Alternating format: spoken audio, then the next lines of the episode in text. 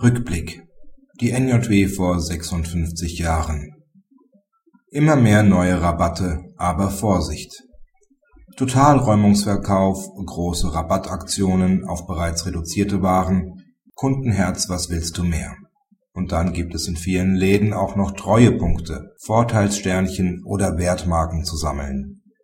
Die Abschaffung des Rabattgesetzes vor acht Jahren hat vieles möglich gemacht. Vieles, aber nicht alles. Dafür sorgen insbesondere die Vorschriften des UWG. Den Slogan einer großen Baumarktkette 20% auf alles außer Tiernahrung hat der BGH als irreführend untersagt. Vergleiche NJW 2009 Seite 2541 in diesem Heft. Das Unternehmen hatte kurz vor Beginn der Rabattaktion den Preis heraufgesetzt. Eine solche Preisgestaltung sei aber mindestens ebenso irreführend wie die Werbung mit einem früheren Preis, der nur für kurze Zeit verlangt werde, urteilten die Richter.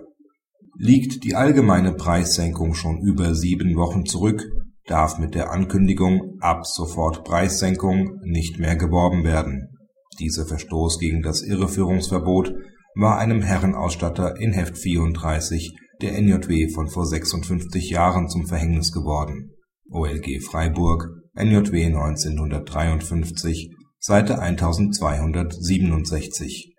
Dass nicht nur wettbewerbsrechtliche Vorschriften gesetzliche Restriktionen für eine Rabattwerbung bedeuten können, zeigt Mirko Möller ab Seite 2509 in diesem Heft die Rabattwerbung entzieht sich somit keinesfalls einer rechtlichen Beurteilung